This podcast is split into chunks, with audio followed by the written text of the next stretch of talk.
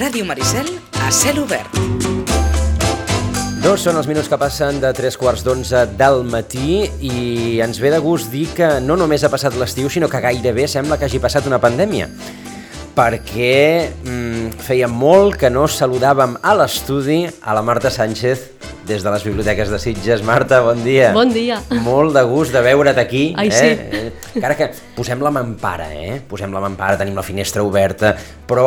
Uf, No és el mateix la mampara que la pantalla d'ordinador. la coses d'ordinador, com i que sí, doncs ja està. tant. Eh? La, la, pan- la mampara transparenta, però més ens veiem, estem aquí, eh? físicament.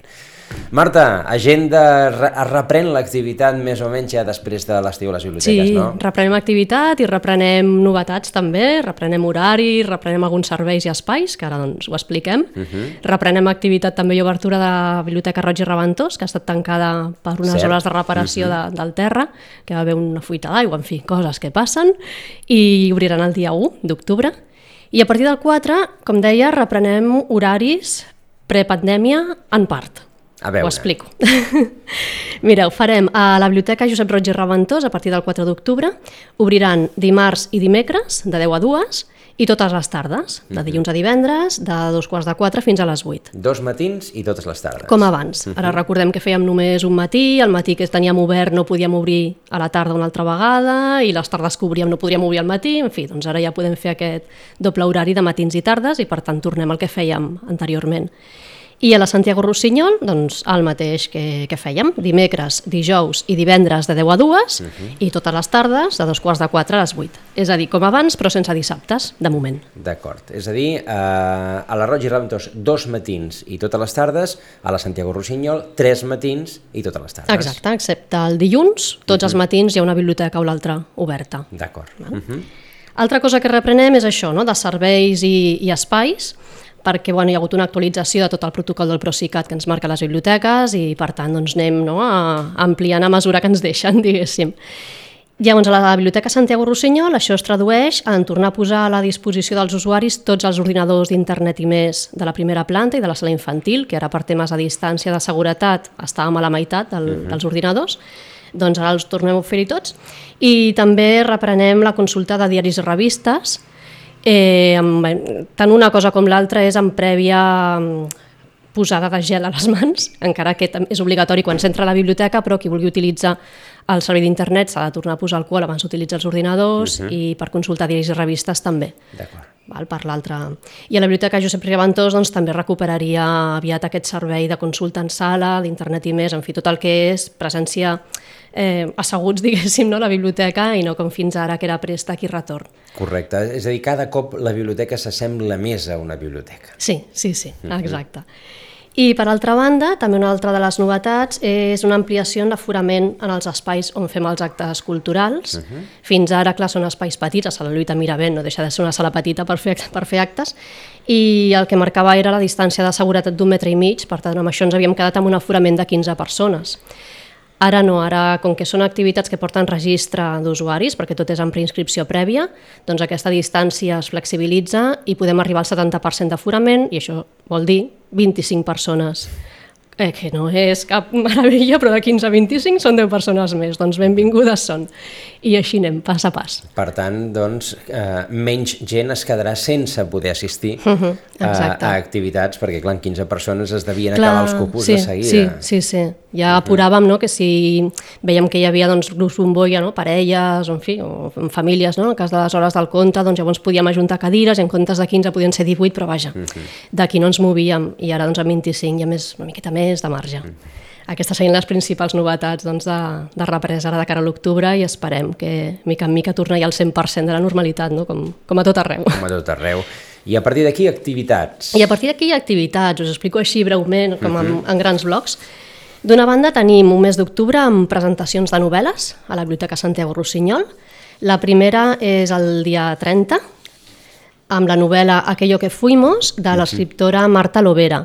Aquesta presentació està dintre del Queer Fest, que se celebra a Sitges del 29 de setembre al 3 d'octubre, i està organitzat per Color Sitges Link.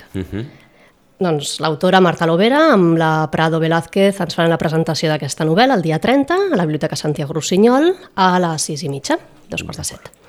Altres novel·les que es presenten el dimecres 13, la novel·la Quatre reines, de l'Ester Ventura.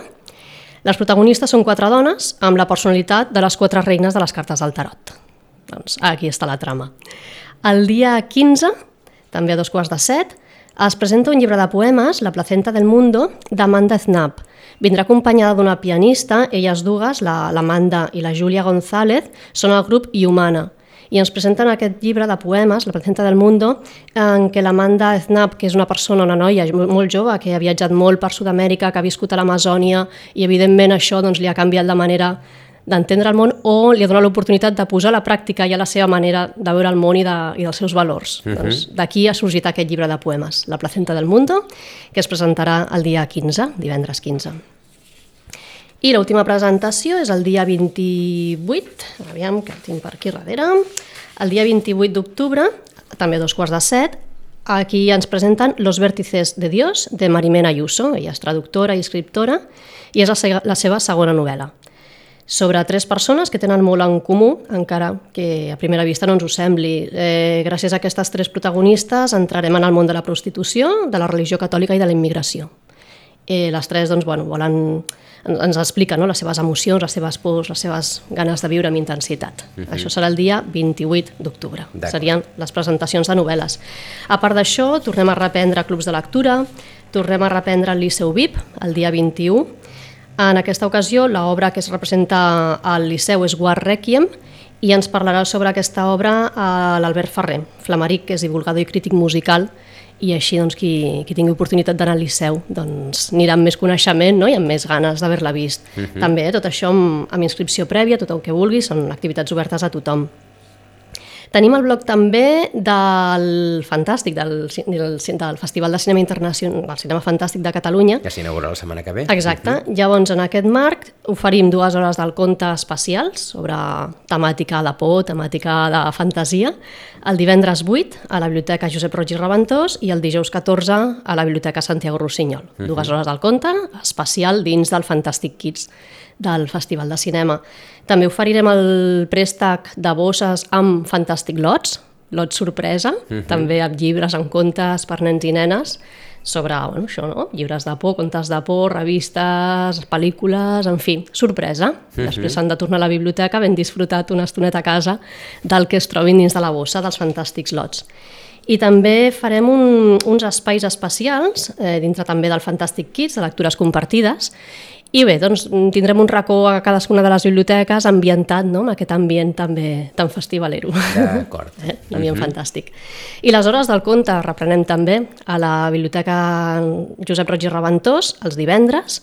Tindríem el divendres 15, el divendres 22 i el divendres 29 diferents propostes amb narradors que sempre bé, són, són persones de, molt professionals, no? de qualitat, que ens expliquen, ens, fan, ens apropen no? les, les històries a través de l'oralitat, de les seves veus, de tot el, el que porten al darrere, no? d'escenaris, a vegades titelles, a vegades res, i també et fan arribar les històries que les vius eh, com, bé, com, com una pel·lícula, i és una manera doncs, això no, d'acostar els nens i nenes al món de l'oralitat, de, de la narració, també uh -huh. de la fantasia, de, de diferents valors.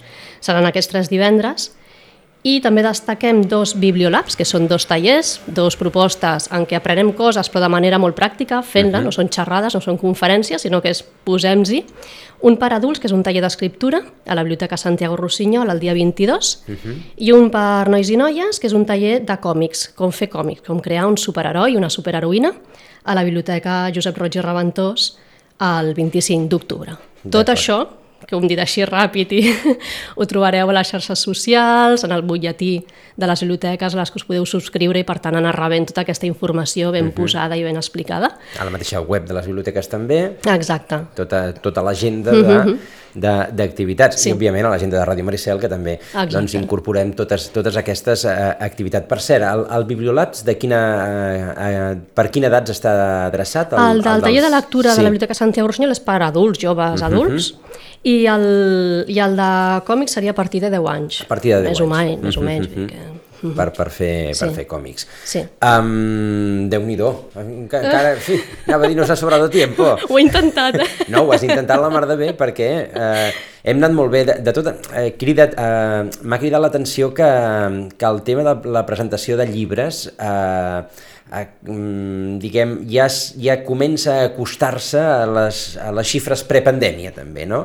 Sí, sí, sí, i a més bueno, jo estic contenta perquè són moltes, la, vaja, la majoria o totes, per no dir, sí, totes, són propostes que arriben a la biblioteca, per uh -huh. tant són persones que han escrit els seus llibres i que pensen que la biblioteca és un bon lloc no, per fer difusió, per presentar, per arribar als seus lectors, a nous lectors, uh -huh. i això doncs també és molt bonic, no haver d'anar a buscar, a veure, va, aquí, aquí li diem que presenti, sinó que t'arribin no, aquestes propostes coses uh -huh. i són variades, hi ha gent que sí que més de Sitges, n'hi ha que no, però que pensen que les biblioteques doncs, són un bon lloc per, de difusió no, de les seves obres uh -huh. i que no són autors molt coneguts, n'hi ha que comencen, però també sempre és interessant no, saber l'experiència d'algú que, que ha escrit la seva primera novel·la o la segona i que vam tota la il·lusió de donar-la a conèixer, doncs, bueno, és també un acompanyament i un aprendre tots uh -huh. de tots.